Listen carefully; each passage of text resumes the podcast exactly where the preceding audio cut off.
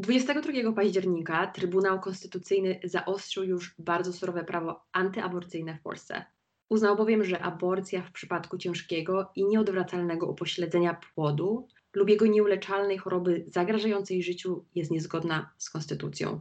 Tym samym odbierając wszystkim kobietom mieszkającym w Polsce podstawowe prawo do decydowania o sobie i swoim ciele. W głowie mi się nie mieści, że w XXI wieku odbiera nam się możliwość do podjęcia jakże trudnej, ale własnej decyzji. Mimo, że mój podcast ma nieco inny wydźwięk, dostałam od Was wiele wiadomości, czy coś szykuje w tym temacie. Odezwała się też do mnie znajoma, która pracuje w ambulatorium w Austrii jako tłumaczka i towarzyszy polskim kobietom i ich rodzinom podczas zabiegu aborcyjnego. Obie doszłyśmy do wniosku, że podzielenie się tą wiedzą może być pomocne w podejmowaniu trudnych, ale świadomych decyzji. Chcę, aby każda z nas miała świadomość, że mamy wybór i opcje, że to my decydujemy o własnym ciele i że są osoby, które służą pomocą i radą w momentach, kiedy emocje często biorą górę.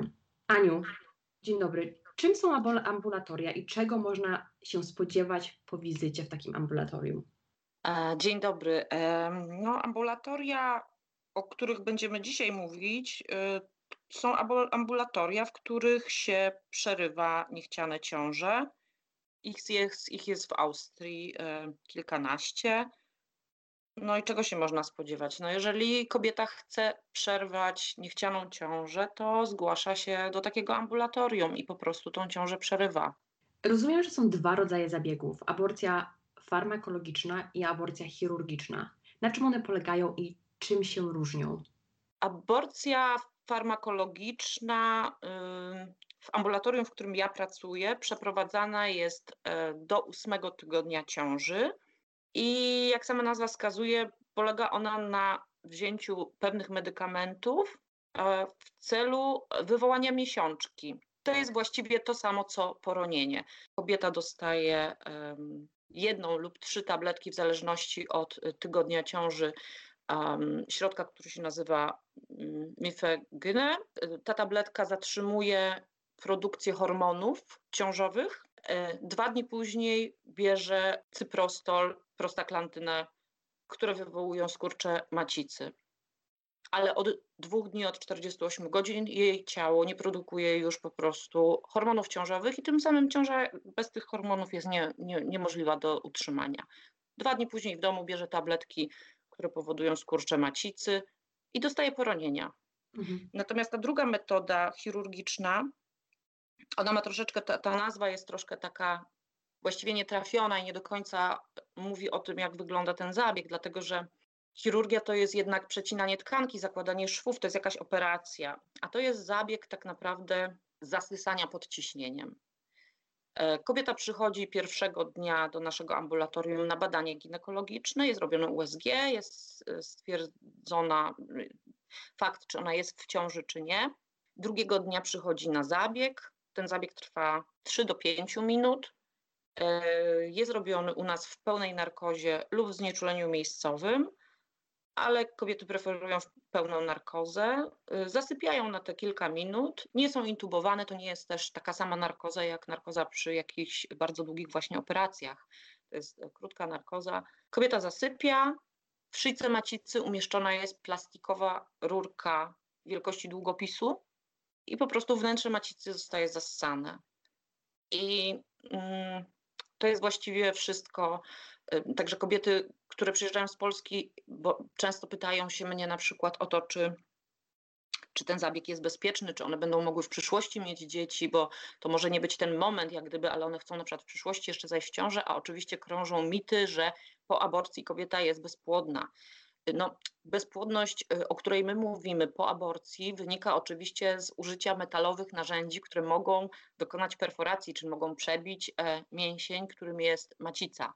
Mogą tam coś uszkodzić. Natomiast plastikowa rurka z powietrzem raczej nikogo uszkodzić nie może. Także ja moim pacjentkom mówię, pani musi się teraz zastanowić nad antykoncepcją, ponieważ za dwa tygodnie będzie pani miała normalne jajeczkowanie, normalną ovulację i pani już za dwa tygodnie może znowu być w ciąży. Jak gdyby nie mówimy tutaj o tym, czy ja w ogóle będę mogła w przyszłości zajść w ciążę, bo już za dwa tygodnie ona znowu będzie płodna. Także tak to wygląda. Ile kosztuje taki zabieg? W obu przypadkach on kosztuje 560 euro. Aborcji po 10 tygodniu ciąży do 13 plus 6, bo w Austrii jest aborcja legalna do 14 tygodnia, czyli to jest 13 tydzień plus 6 dni. Kosztuje 640 euro więcej, bo jest jeden dodatkowy lek, który trzeba podać i to jest tylko y, ta różnica. Natomiast nie wiem, czy się orientujesz, ile kosztuje w Polsce nielegalna aborcja. Nie mam pojęcia.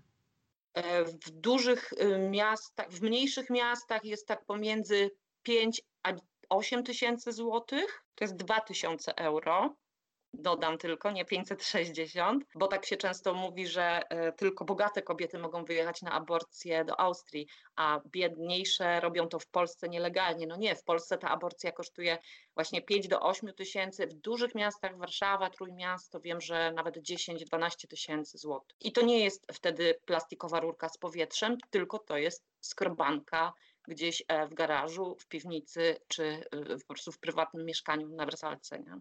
I do tego jeszcze e, wrócimy, ale zanim zagłębimy się właśnie w warunki, jakie panują w Waszych ambulatoriach, chciałam zapytać jak, o sam proces bukowania. Jeżeli kobieta znajdzie się w sytuacji i rozważa aborcję, jak podejść do tego, żeby właśnie taką wizytę u Was zabukować? Jak to się Rozm- U nas bukuje się wizytę telefonicznie i tylko po rozmowie z kobietą. To znaczy zdarzają się sytuacje, że dzwoni mężczyzna i na przykład mąż dla żony y, y, chce y, zrobić taki termin u nas. My zawsze wtedy prosimy kobietę do telefonu. To znaczy nie robimy terminu e, z kimś, kto sam nie jest e, osobą w ciąży. Mhm. Po prostu. Nie, nie może nikt, kto nie jest w niechcianej ciąży, zrobić u nas terminu. Ja zawsze proszę kobietę. Te kobiety często wstydzą się rozmowy przez telefon i ten mąż na przykład mówi do mnie, no ale wie pani co, bo żona się teraz trochę wstydzi i ja mówię, wie pan co, ale będzie, znaczy my przez telefon tej aborcji nie dokonamy, ona i tak będzie musiała do nas przyjechać i się osobiście pokazać, bo nie ma innej drogi, więc przez telefon, po prostu ja muszę rozmawiać wtedy z kobietą, ja muszę słyszeć jej głos, muszę wiedzieć właśnie, czy to mm, jest jej decyzja i tak dalej. Bukowanie jest y, rozmową na początku o stanie jej zdrowia. Ja się muszę dowiedzieć, czy nie ma alergii, czy nie ma chorób przewlekłych, e, jaki, mm, jaki ma wzrost i wagę, to są informacje dla anestezjologa, czyli to jest taki pierwszy y, jak gdyby wywiad środowiskowy, środowiskowy dotyczący stanu zdrowia pacjentki. Ja muszę te dane mieć. E, muszę znać jej grupę krwi. Jeżeli ona nie ma tej grupy krwi, ja muszę to zanotować, bo wtedy my na miejscu robimy to badanie. To jest już też wszystko wliczone w cenę, także ta cena, którą podawałam Tobie, ona zawiera wszystko, co, co jak gdyby pacjentka nie ma żadnych dodatków, tam nie ma ukrytych jakichś właśnie kosztów. No i po takiej e, rozmowie ustalamy po prostu termin, bo to jest też tak, że na aborcję farmakologiczną przyjeżdża się tylko na jeden dzień, ponieważ pacjentka, tak jak mówiłam, bierze pierwsze tabletki u nas, ale te drugie już zabiera ze sobą do domu. Natomiast przy tej aborcji um, chirurgicznej, przy tym e, zabiegu, um, pacjentka jest dwa dni w Austrii, czyli musi sobie tam zapewnić jeszcze jakiś nocleg, no bo pierwszego dnia jest badanie, drugiego jest dopiero zabieg. Mhm.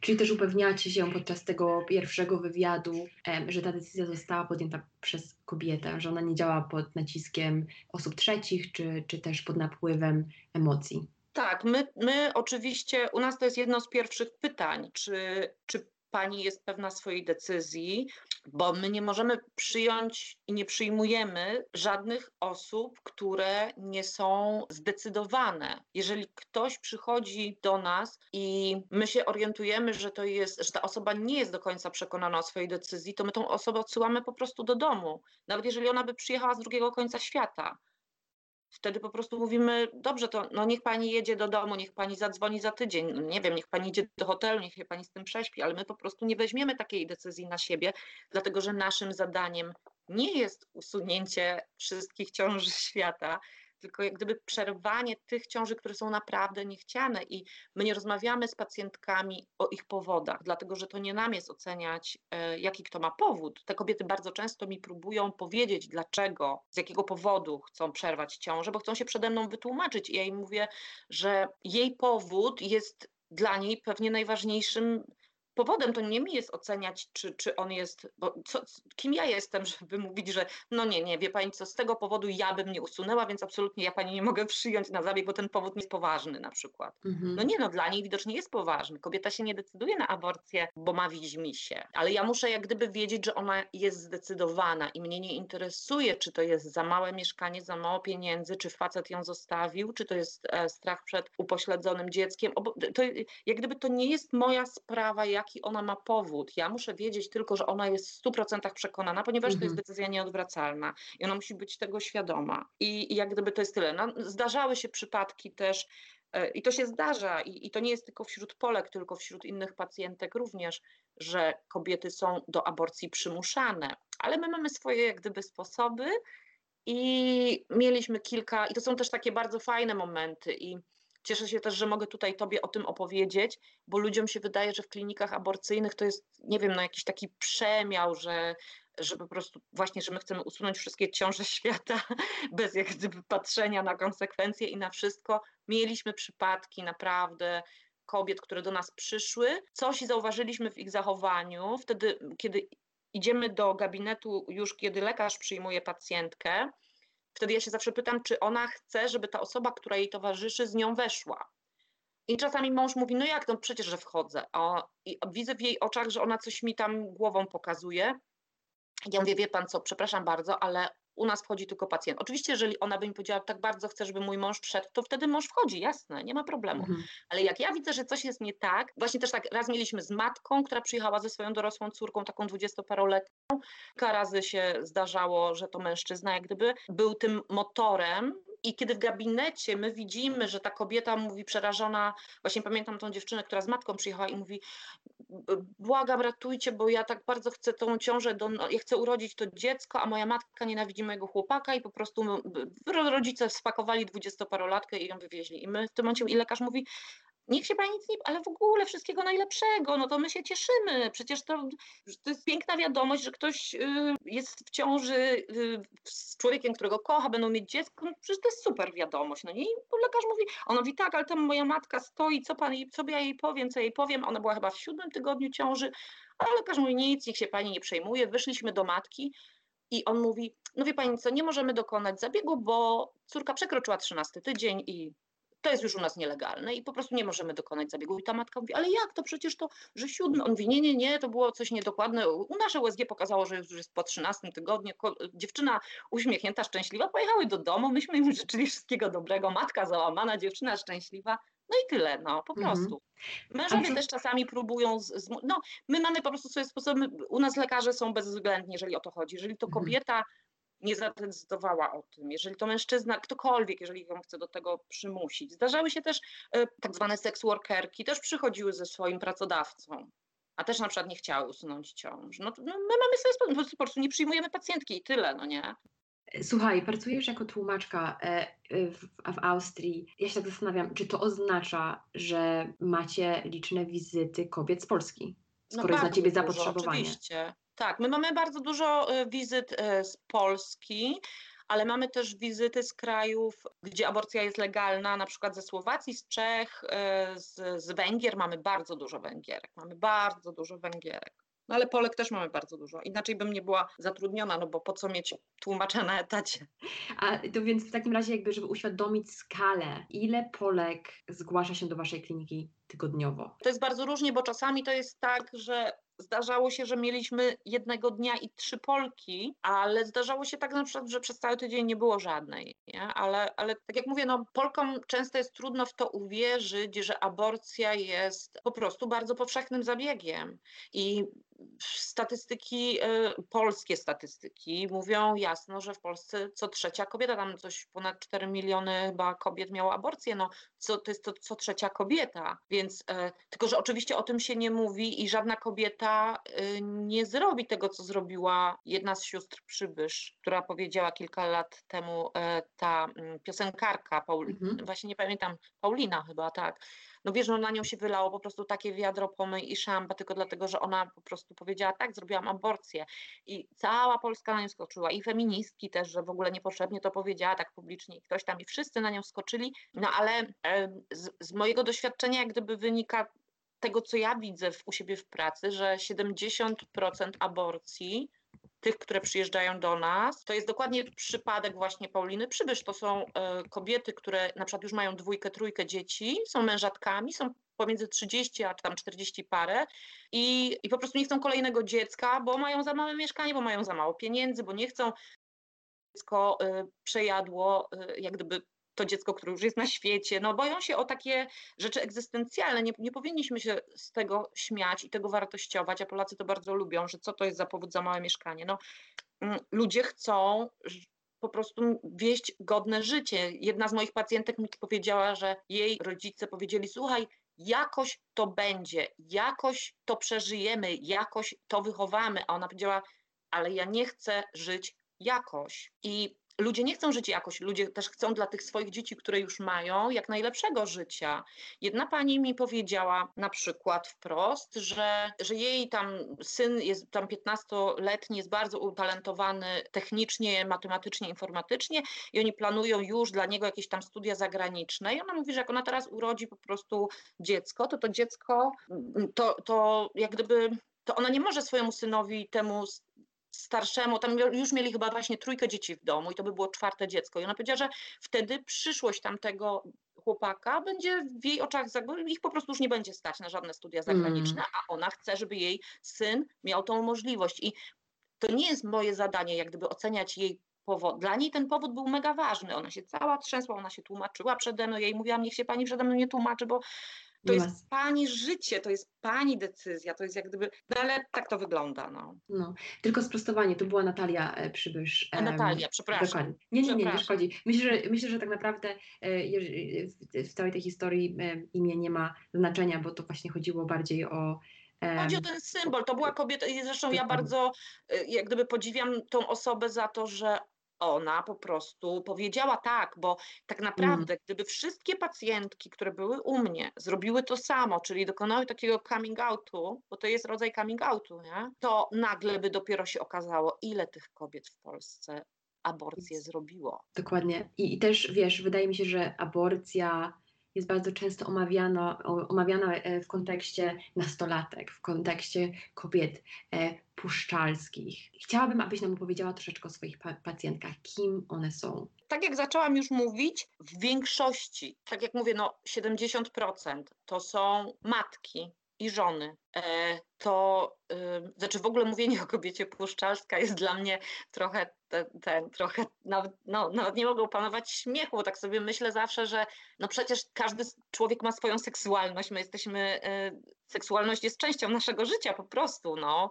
Ono wiadomo jest tam traktowany w kategoriach grzechu, czegoś brudnego i tak dalej. Natomiast no, seksualność jest po prostu seksualnością, każdy ją ma. Ale wracając do aborcji, faktycznie w większości to są dorośli ludzie, którzy są w związkach małżeńskich i którzy już mają dzieci. Myślę, że przy pierwszej ciąży więcej jednak działa takiego takiej magii, że ach, właśnie tam, ach, to tam spróbujmy, właśnie jakoś to będzie. Najwięcej aborcji to są ci ludzie, którzy już dzieci mają i dokładnie wiedzą, z czym to się je, dokładnie wiedzą, jaka to jest odpowiedzialność, jakie to są koszta, jak wygląda życie z dzieckiem, jak, i jaka to jest odpowiedzialność przy wychowywaniu, przy, no, no, no po prostu, czym jest bycie rodzicem. Oni już wiedzą, bo oni już są rodzicami.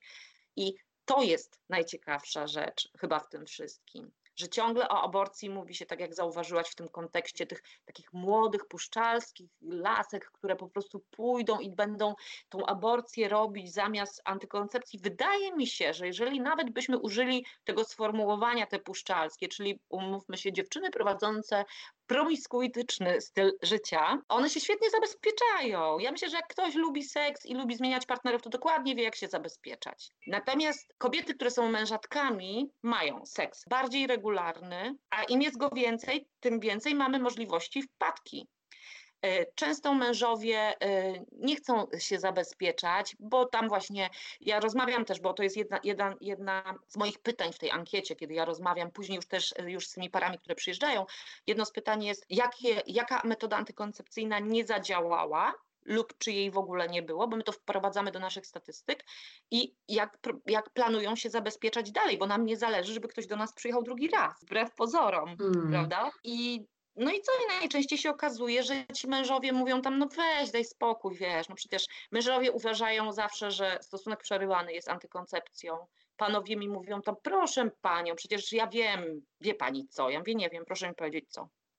No proszę pani, no pani wie, ja tam uważam. Ja mówię, ale na co pan uważa? Bo ja nie rozumiem, co pan do mnie mówi. No wie pani, ja uważam w łóżku. No to w łóżku może pan uważać, żeby włosów nie wyrwać, żeby tam, nie wiem, nie szarpnąć czy, coś. Wie, pan ma na myśli stosunek przerywany, tak, że pan wie, kiedy wyje, wyjąć penisa niby przed ejakulacją. No niby tak. Ja mówię, no proszę pana, no to witamy u nas w Austrii. Właśnie przywiózł pan żonę do kliniki aborcyjnej. No nie wie pan, kiedy wyjąć. O prejakulacie nikt nie słyszał. Wszyscy uważają, że jak ja im to tłumaczę, to to są w ogóle jakieś bajki. Są czasami rozmowy, z, y, szczególnie szczególnie właśnie z tymi partnerami, z tymi mężami, są ojcowie dzieciaków już jak gdyby chodzących do szkoły i oni nie mają pojęcia o najprostszych rzeczach czasami. Często seks jest obowiązkiem też, że jak gdyby nie ma dyskusji, to no, tak jak mówię, to tam dzieją się czasami u nas y, bardzo takie, że tak powiem, ciekawe, otwierające oczy historie, mm. otwierające na, na, na życie. I co jest jeszcze też ciekawe, u nas jest naprawdę bardzo dużo osób z konserwatywnych środowisk, właśnie z katolickich. Bardzo dużo osób, które przyjeżdżają są takie, takie załamane takim faktem, że że im się w ogóle to przydarzyło i te kobiety mi bardzo często mówią na przykład Pani Aniu, ja naprawdę, jeszcze jakby mnie Pani pół roku temu spytała, to ja naprawdę jest, byłam taką przeciwniczką aborcji, że gdyby im się zmienia perspektywa naprawdę dopiero kiedy je, je to dotknie, mhm. że nagle się okazuje, że jej się świat załamuje i nagle ta właśnie osoba o konserwatywnych katolickich poglądach, chodząca do kościoła, że ona do mnie mówi nagle, że no kurde, ale po prostu to nie jest ten moment, wie pani, ja tak nie mogę. Właśnie i, i, nagle się pojawia to mieszkanie za małe, no nie? U mhm. tych osób, które dopiero co i się często do tego przyznają, że zupełnie miały inne poglądy. Jedna pani mi nawet powiedziała, pięć minut po aborcji była, leżała w łóżku e, pooperacyjnym, ja ją trzymałam za rękę, tam czekałam, aż ona się wybudzi, ona się wybudziła i, i pierwsze, co mi chciała powiedzieć, że w ogóle to ona jest przeciwniczką aborcji. I ja zgłupiałam, ja mówię, to znaczy, co pani teraz żałuje, że pani zrobiła tą aborcję? W sensie, no ja nie, jak gdyby, on mówi, nie, nie, nie, wie pani, nie, ale u nas to był taki przypadek, bo my z mężem, to wie pani, taka sytuacja, ale nie, ale wie pani, żeby te puszczalskie właśnie, żeby te młode dziewuchy, nie jestem absolutnie przeciwniczką aborcji. Ja mówię, ale przecież pani przed chwilą miała aborcję, pięć minut temu. On mówi, no wie, wie pani, nie, nie, u nas to taki przypadek, wie pani, to nie, to teraz taki nie, taki, nie ten moment, nie? -hmm, ale te -hmm. inne, te inne, te puszczalskie, żeby one się nie skrobały Mhm. Chodźmy teraz troszeczkę do warunków. To jest coś, co wspomniałaś na samym początku. I w związku z tym, że w Austrii aborcja jest legalna, kliniki, które przeprowadzają te zabiegi są bardzo dobrze wyposażone. O czym uważam, że należy pamiętać, bo podejrzewam, że w Polsce, gdzie aborcja już teraz jest całkowicie nielegalna, brakuje odpowiedniego sprzętu i odpowiedniego też podejścia lekarzy do e, samej, samej pacjentki. Z Twojego doświadczenia, Aniu, jak upewnić się, że znajdziemy się profesjonalnym miejscu, gdzie możemy liczyć na wsparcie, ale też bezpieczny zabieg, jeśli się oczywiście na niego zdecydujemy? No ja myślę, że to są rzeczy, które są dosyć łatwe do ustalenia, to znaczy mm, znajdując e, klinikę aborcyjną, znajdujemy gdzieś e, w internecie lub dostajemy jakiś numer telefonu. Najczęściej chyba kobiety jednak szukają przez internet. Jeżeli na stronie, jeżeli już strona internetowa wygląda podejrzanie, nie ma zdjęć, nie ma podanego adresu, nie ma podanego nazwiska, leka, nazwisk lekarzy, no to to już zaczyna trochę y, tak trącić pod ziemię. Ja miałam dużo pacjentek, my mamy w ogóle bardzo dużo pacjentek właśnie ze Słowacji, z Czech, pomimo tego, że tam jest aborcja legalna, ale tam często też nie ma albo tej metody, y, tej właśnie, którą, która jest w Austrii stosowana. Wiem też, że obsługa medyczna jest powiedzmy mniej zainteresowana dobrym samopoczuciem pacjentki. Trafiło do mnie kilka pacjentek, też Polek, które już miały termin zrobiony na Słowacji lub w Czechach i tam stamtąd uciekły. I mi opowiadały, że tam mąż nie mógł e, wejść. Musiał, e, ona otworzono przed nią drzwi, ona zobaczyła jakiś betonowy korytarz. E, mężowi powiedzieli, żeby przyszedł ją odebrać za 6 godzin. Ona przerażona siedziała w jakiejś tam koszuli nocnej. Ja też nie chcę jak gdyby tam pluć na te kliniki czeskie i słowackie, bo jakby nie było to jest też jakaś tam możliwość dla Polek, no nie?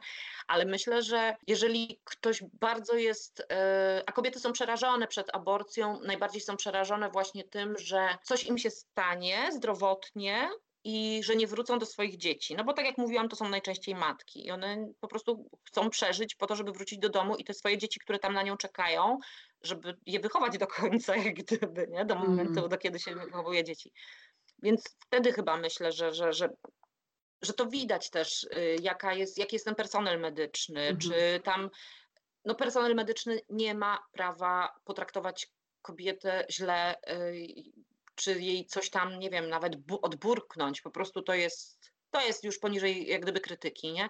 I myślę, że też można przecież dzwoniąc, właśnie robiąc taki termin, można dokładnie um, się dowiedzieć, jaka jest ta metoda, jaki jest ten sprzęt, podpytać o wszystko. I jeżeli takiej informacji ktoś nie chce udzielić kobiecie lub ją spławia, no to to jest jak gdyby już też znak, y, że ktoś tam, ktoś tam coś ukrywa, no nie? Mhm. I, I mówię, no Węgierki do nas bardzo dużo przyjeżdża Węgierek, ponieważ na Węgrzech, pomimo tego, że też aborcja jest legalna, to tam są jakieś takie metody naprawdę średniowieczne, o których nie będę Wam tutaj na antenie opowiadać, chociaż jedna z pacjentek z Węgier też opowiadała, e, jak wyglądała jej jakaś tam poprzednia aborcja i no to, to, to już po prostu rzeźnia jest, nie? Mhm. To tego... Nie, no, no, nawet nie będę opowiadać o tym, myślę, bo to nie Słuchaj, o to chodzi. Wspomniałaś o, o emocjach przed samą aborcją. Ja się też zastanawiam, jak to jest po samym zabiegu, z jakimi emocjami spotykasz się u kobiet, z którymi, e, którym towarzyszysz. No ja powiem coś, co nie będzie popularne, dlatego że są takie wyobrażenia na temat aborcji i to są takie projekcje chyba własnych emocji, że jednak kobieta po tej aborcji jest psychicznie zdewastowana, no nie? No ja muszę jednak powiedzieć, że nie, że po aborcji kobiety czują głównie ulgę. Nie zapominajmy, że one przyjechały z ciążą niechcianą. To są ciąże niechciane. I e, kobiety, e, no niektóre budzą się i nie wiem, no zdarzały się takie sceny dla mnie dantejskie, gdzie mnie zaczynały całować po rękach, ja im te ręce wyrywam, mówię, że mnie nikt po, po rękach nie da. Jest taka ulga, że mają za sobą takie piekło jedna z pacjentek mi na przykład powiedziała, mówi, jak ja bym wiedziała, że to jest takie proste i że tutaj wszyscy będą tacy mili i nikt mnie nie będzie oceniał, to ja bym te ostatnie dwa tygodnie, co nie spałam, to bym spała. Mm. Kobiety nie boją się tego, że to znaczy, to nie jest tak, że one nie są pewne swojej decyzji i przeżywają tą aborcję, bo się muszą pożegnać z jakimś tam y, płodem, który mógłby być w przyszłości dzieckiem one się po prostu boją samego zabiegu medycznego. Jest dużo mitów na ten temat, jest straszenie tą aborcją i kobiety się boją o swoje życie, boją się o to, że właśnie nie wrócą do domów, do swoich rodzin, do bliskich, do swoich dzieci, boją się tego, że zostaną źle potraktowane, bo boją się bardzo tej oceny. Myślę, że dlatego jest aborcja takim mitem i te, ta, ta, ta, co trzecia Polka, która aborcję zrobiła, o tym właśnie dlatego nie mówi bo po prostu boją się oceny, nagonki, boją się tego szamba i, i kiedy okazuje się, że budzą się, ich macica jest pusta, nie są w ciąży, e, pielęgniarka uśmiechnięta się pyta, czy wszystko w porządku, czy może ją coś boli, czy może jej podać jakieś e, środki przeciwbólowe, albo jak ona się czuje i ktoś tam uśmiechnięty mówi, ojej, jak tam... No. I te kobiety są tak zdziwione, że my e, na nie na, po prostu nie, nie robimy im dalszej wyrzutów. nagonki, wyrzutów, że one po prostu z uśmiechem opuszczają. E, ja dostaję czasami maile od kobiet, które mówią, że ja im życie uratowałam. No naprawdę, to są takie rzeczy, które trochę się pewnie rozmijają, e, bo jednak myślę, że, że, że w Polsce jest trochę też tak, że my chcemy wierzyć w to, że to jest bardzo trudna decyzja, że to było bardzo ciężkie do przejścia i że ta kobieta po tej aborcji ma straszną traumę. Ja nie wątpię, że zdarzają się i takie, oczywiście, że ja też miałam takie pacjentki, ale te, które mają traumę, to są troszeczkę inne pacjentki. To są te, które na przykład ciąża była chciana, ale właśnie na przykład się okazało, że płód y, się nie rozwija albo że jest mhm. zdeformowany. Jak gdyby to są pacjentki, które zostały w straszny sposób potraktowane przez mężczyznę, który jak gdyby do tej ciąży przyłożył się, nie? bo tak jak zawsze powtarzam, kobieta sobie sama tej ciąży palcem nie zrobiła. To, tam są inne dramaty, jak gdyby, które powodują, że sama ta aborcja staje się takim, taką traumą. To nie jest tak, znaczy ja przynajmniej nie spotykam takich pacjentek, które przyjeżdżają i dla nich to, że dokonują aborcji jest traumą bo one po prostu tej, to są ciąże niechciane. Ja ciągle będę to podkreślać. To są niechciane ciąże. To nie jest mhm. też tak, że przyjeżdża kobieta i ona tak, no tak właściwie to bym urodziła takie ładne, różowe dziecko, no ale tutaj przyjechałam do was, to mi usuńcie, a potem będę. Nie, to nie jest tak. To nie jest tak. To są niechciane ciąże. To są kobiety, które czasami budzą się i są jeszcze lekko w, pod narkozą, ale już zaczynają coś mówić, trochę tak jakby się mówiło przez sen i mówią do mnie pusta, pusta, pokazując mi ręką na brzuch, czy już, albo wzięliście to już, no, to są naprawdę są kobiety, które są przerażone faktem, że są w ciąży. Nie? Mm-hmm, mm-hmm. Słuchaj, wiesz, e, przygotowując się do tej rozmowy, e, natknęłam się na artykuł, który, umieści, który był w dużym formacie, ukazał się w dużym formacie w czerwcu zeszłego roku i on nawiązywał właśnie do aborcji e, w Austrii.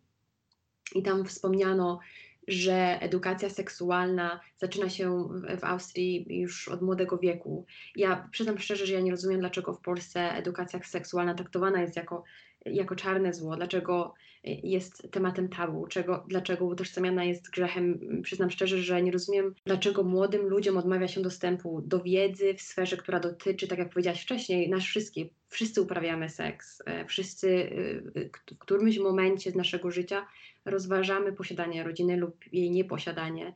E, I nie rozumiem, dlaczego odmawia nam się edukacji, która pomogłaby nam wejść w tę sferę świadomie. Jest to dla mnie niejasne i zupełnie nielogiczne i zastanawiam się, czy spotykasz się Wspomniałaś już, że wiesz, że tutaj o tym stosunku e, przerywanym, ale zastanawiam się, czy spotykasz się z dużą niewiedzą w kwestii antykoncepcji ze strony pacjentek i ich partnerów, bo podejrzewam, że E, ten temat nie byłby był tak olbrzymim tematem, gdybyśmy właśnie skupili się na e, upewnieniu się, że do ciąży nie dojdzie. Wiadomo, są, są, zdarzają się wpadki, ale podejrzewam, że ten procent niechcianych cią, ciąż, ciąży byłby, byłby mniejszy i zastanawiam się, z jakim ty mm, spotykasz się tutaj, e, jak to jest właśnie, czy kobiety są do, doinformowane, znają, wiedzą, do czego ma, mają dostęp, jak się zabezpieczyć przed ciążą, czy ich partnerzy e, również są wyedukowani, czy to jednak jest troszeczkę No, no nie inaczej. są, no nie są wyedukowani, mm. nie są wyedukowani i ja myślę, że żeby wrócić do samego początku tego pytania, gdzie pytałaś dlaczego, dlaczego to jest takie tabu. E, ja myślę, że jest jeden duży problem, to jest mieszanie gruszek z jabłkami i mieszanie e, edukacji seksualnej z erotyką. Ludzie, którzy uprawiają seks, e, często znaczy, czyli wszyscy. Akurat w Polsce wiadomo, no, my jesteśmy też krajem katolickim, a seks pozamałżeński, czy tam no, seks jest grzechem, jest czymś, czymś, brudnym, trzeba się z tego spowiadać, masturbacja i tak dalej. No, po prostu wszyscy przez to przechodzili w konfesjonale. Myślę, że to jest duży problem, jak gdyby mieszanie erotyki z, y, z edukacją seksualną. Ja nawet swego czasu, będąc na Kongresie Kobiet Polskich w Brukseli, byłam uczestniczką takiej dyskusji, gdzie jedna z bardzo znanych polskich feministek, już taka pani powiedzmy z pokolenia, nie wiem, no, naszych rodziców, taka tam po 60, powiedziała coś takiego, że sama jak gdyby jest przeciwniczą, że ktoś tam powiedział, że trzeba rozma rozmawiajmy ze swoimi córkami, rozmawiajcie jak gdyby między sobą. I ona była taka tym jak gdyby zniesmaczona i mówi, a dlaczego ona ma ze swoją córką dorosłą rozmawiać o, o tym, to, to co, ma wyciągnąć wibrator, pokazać swojej córce, że ona tego nie chce, to jest intymne. I ja wtedy zabrałam głos, wzięłam mikrofon do ręki i jak gdyby byłam aż w szoku, że muszę kobiecie, która jest tam feministką z takim dorobkiem, tłumaczyć, że edukacja seksualna to nie jest pokazywanie córce wibratora i jej mówienie, słuchaj, my to z tatą robimy w takiej i w takiej pozycji, bo chyba to jest w głowach ludzi, że to będzie takie brudne, że tam oni sobie pokażą, kto z kim, jak to robi, a to w ogóle nie o to chodzi. My tu rozmawiamy o biologii człowieka, my tu rozmawiamy o funkcjonowaniu naszego organizmu. Ja się spotkałam na przykład z sytuacją, kiedy tłumaczę kobiecie, skąd będzie, jak gdyby, dlaczego krwawienie jest po zabiegu, I żeby ją uspokoić, tłumaczę jej, że to nie jest takie krwawienie, które jest z jakiejś rany, że to jest uszkodzone, że tam po, tej, e, po tym zabiegu ta krew po prostu to oznacza, że tam coś jest nie tak, że coś się nie goi.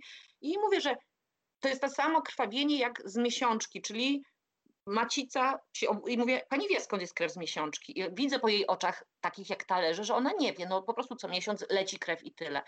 I, I tłumaczę im, bo wydaje mi się, że jeżeli kobieta zrozumie jak gdyby ten proces i będzie wiedziała, to potem po zabiegu nie będzie zdenerwowana do domu jechać, że ciągle właśnie na przykład po zabiegu, że krwawi, żeby się nie martwiła po prostu, żeby wiedziała, bo jak rozumiemy pewne mechanizmy, to wtedy nie ma w nas strachu. Tylko jak nie rozumiemy, co się z nami dzieje, to pojawia się strach. Nie? Mhm. Aniu, już kończąc, jak w Austrii traktowany jest temat aborcji? Czy spotykasz się z agresją, zanim przekroczysz próg kliniki? Nie, nie, to jest. E, znaczy, też są. E, wszędzie na świecie są, nawet w najbardziej liberalnych krajach znajdzie się ktoś, kto jest przeciwnikiem aborcji.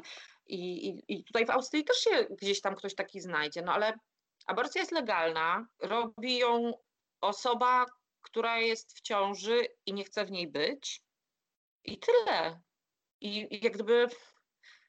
No, co tu dużo wiesz, ja, mi po prostu czasami brakuje słów, żeby wytłumaczyć coś, co w jednym miejscu, w punkcie A jest normą, jest czymś normalnym, a w punkcie B, który jest tam o 300 kilometrów dalej, jest w ogóle tematem jakimś tabu i takim napiętnowanym. To jest mm.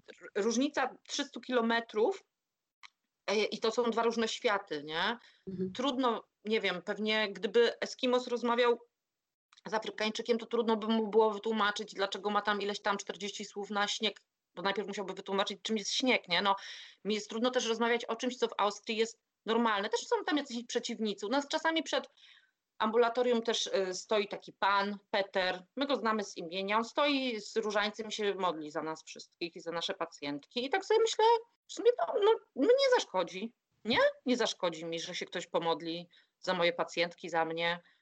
Proszę bardzo, ale on też nie może podchodzić. Gdyby na przykład, on może stać tylko plecami do muru, jak gdyby do bramy, on nie może stać tak, żeby stać twarzą do wychodzących osób, bo my wtedy możemy zadzwonić po policję i on musi pójść, ponieważ podchodzenie do kogoś twarzą w twarz jest e, już e, oznaką, mm, że ta osoba chce ciebie skonfrontować skonfrontować, a to już jest nie, nie ten, to już przychodzi policja i go wtedy wylegitymuje, każe mm mu odejść i tak dalej. On tam kiedyś próbował, więc teraz już stoi po prostu tam plecami, no nie, ale stoi mm z różańcem, no i się modli.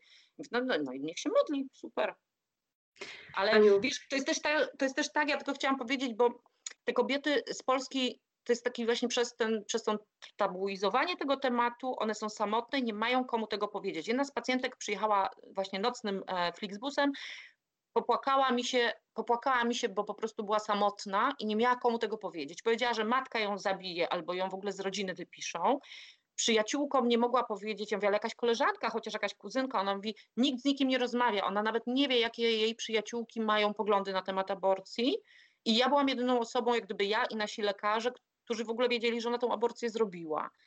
I ja z nią byłam, potem jeszcze z nią poszłam na obiad i na kawę, czego normalnie nie robię, bo z pacjentkami jak gdyby trzymamy jednak dystans, żeby to było profesjonalne, a nie takie tam, że, że koleżanki, ale z nią poszłam jeszcze na obiad i tak dalej, odprowadziłam ją na ten autobus.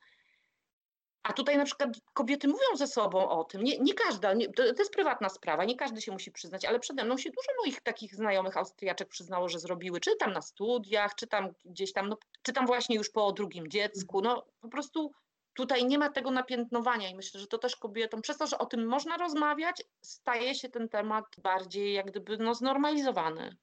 I uważam, że to jest świetny e, moment, żeby zakończyć naszą rozmowę i, i świetne podsumowanie.